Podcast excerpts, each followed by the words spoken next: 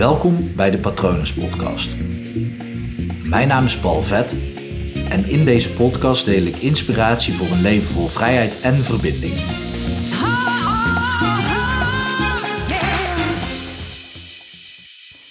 Ik zit heerlijk op de bank bij te komen van een home workout.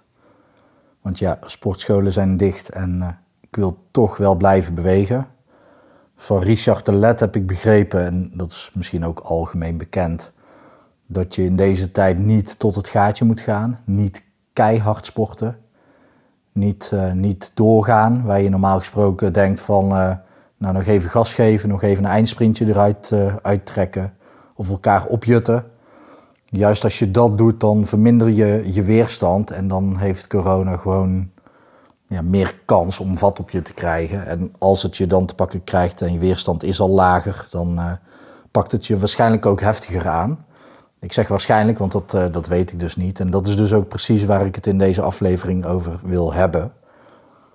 Um, ja, de, de angst rondom corona.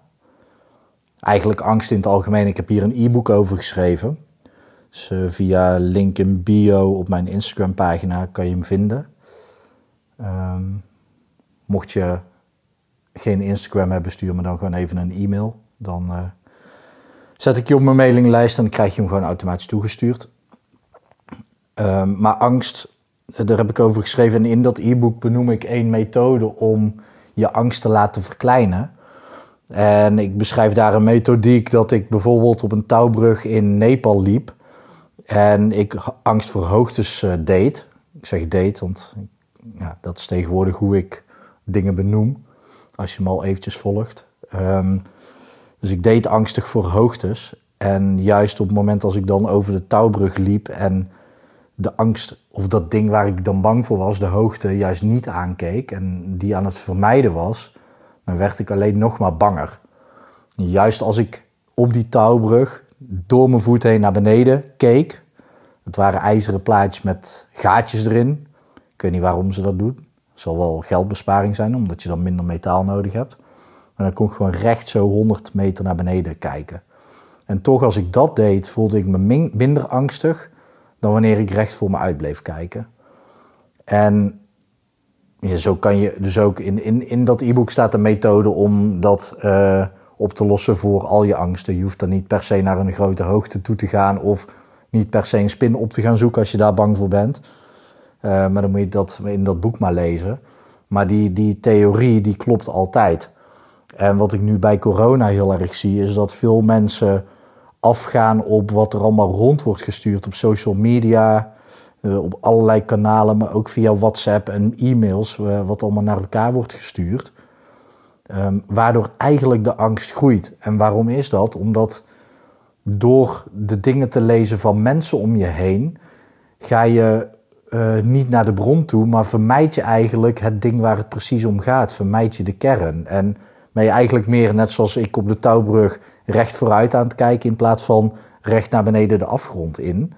En dan wil ik dus niet zeggen dat uh, corona de afgrond is, maar uh, wel als je het vergelijkt met mijn angst voor hoogtevrees, dan staat afgrond gelijk aan corona. En wat, wat gewoon heel belangrijk is, is dat we niet elkaar allemaal dingen gaan sturen die andere mensen allemaal delen, want dan steken we elkaar alleen maar aan. Het is zeer belangrijk om je eigen onderzoek te blijven doen en jouw lijntje met corona gewoon heel kort te houden. Dus doe je eigen onderzoek en dan niet door op, op Facebook te gaan kijken of op Instagram, maar ga naar de website van het RIVM bijvoorbeeld. En ga daar kijken wat er bekend is, of de website van het uh, WHO, WHO.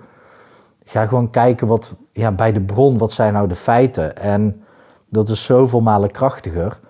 Angst wordt ook gecreëerd als, als je de afstand tussen jou en datgene waar je bang voor bent vergroot. En nou is dat niet helemaal waar, want op het moment dat je bang bent voor een krokodil en je gaat op 500 meter afstand staan, dan zal je wel iets minder bang voor die krokodil zijn uh, dan wanneer je er een meter vandaan staat. Maar het gaat erom dat je uh, op het moment als je er spanning opzet door de afstand te vergroten, dan ontstaat er letterlijk spanning in je lijf. Juist door hem op de juiste afstand te houden, uh, dan, ja, dan weet je ook goed wat er aan de hand is. Uh, want als je in een omgeving bent waar één krokodil is en je bent gefocust op die ene krokodil en je gaat daar 500 meter afstand van houden, dan geloof ik ook dat er heel veel spanning in je ontstaat, omdat er ook zomaar in de rest van de cirkel om je heen ook nog allemaal krokodillen kunnen zitten. En dat is vaak het probleem. Dat is, uh, je kan het vergelijken met als je bang bent voor een muis, en, uh, of muizen dan. Je zal niet voor één specifieke muis bang zijn, maar je bent bang voor muizen en je ziet er één in je woonkamer op uh, een paar meter afstand. Zeg op twee meter afstand. En jij staat op de bank, want je bent bang dan is dat eigenlijk prima te doen, want die muis die kan niet bij je. Dan heb je een veilige afstand. Maar zodra die muis onder de bank schiet, dan zie je de muis niet meer en dan weet je niet waar dat die is. En dan word je meteen banger. Sterker nog, uh, over het algemeen raak je dan in paniek omdat je dan gewoon niet weet waar dat die is. En onwetendheid is echt gewoon een, een katalysator voor angst. En daarom is het zo belangrijk om uh, nu met corona, om gewoon het lijntje tussen jou en de informatiebron heel kort te houden en zelf je onderzoek te doen. Niet afgaan op allerlei berichten die rondgestuurd worden.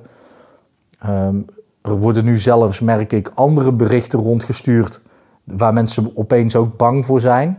Ik zag een, een bericht uh, voorbij komen wat acht jaar geleden voor angst uh, zorgde. Voor als je gebeld wordt door een of ander nummer, dat je dan heel veel kosten zou hebben. Was toen al nepnieuws.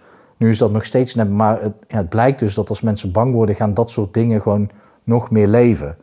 Dus hou het lijntje kort met dat waar je bang voor bent. En dat is ook gewoon met alles waar je angst voor hebt, of angst voor doet dus, in, uh, in de juiste spreekvorm. um, hou het lijntje kort, zorg dat je weet waar je angst is en kijk je angst aan. Dan, ja, dan wordt het zoveel malen rustiger in je lijf. En dat is ook zoveel beter. Dus ja, toch een kleine oproep om niet alles te gaan geloven wat allemaal wordt rondgestuurd, maar hou het lijntje kort. En ja, doe dat dus ook met andere vormen van angst in je leven. Als je, als je iets spannend vindt, kijk het aan en zoek het juist op. Um, Oké, disclaimer, als je bang bent voor een krokodil, ga niet naar de krokodil toe als je die hier ergens op straat zie, voorbij ziet wandelen. Nu is die kans natuurlijk super klein, maar zoek het altijd op. Ben je bang dat uh, je relatie niet goed zit, zoek je partner op. Dat soort dingen. Zoek het er gewoon op. Simpele dingen. Het, kan, het is toepasbaar op alles. Als je het maar wel opzoekt en niet wegkijkt of vermijdt. Want op het moment dat je uh, aan vermijding doet, dan wordt je angst versterkt. Um, je kan het ook struisvogelpolitiek noemen door je kop in het zand te steken. Maar dan, dan voel je die angst niet bewust, maar dan onbewust ben je er super bang voor. Want ja, dan is toch wel, ben je toch gefocust op dat ding waar, waarvoor je je kop in het zand steekt. Want anders zou je je kop niet in het zand steken.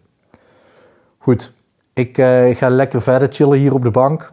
Uh, echt nog eventjes bijkomen, want ik heb uh, wel een goede workout gedaan, maar dus niet tot het gaatje, want dat, dat blijkt dus heel slecht te zijn. Ik hoop dat het goed met je gaat.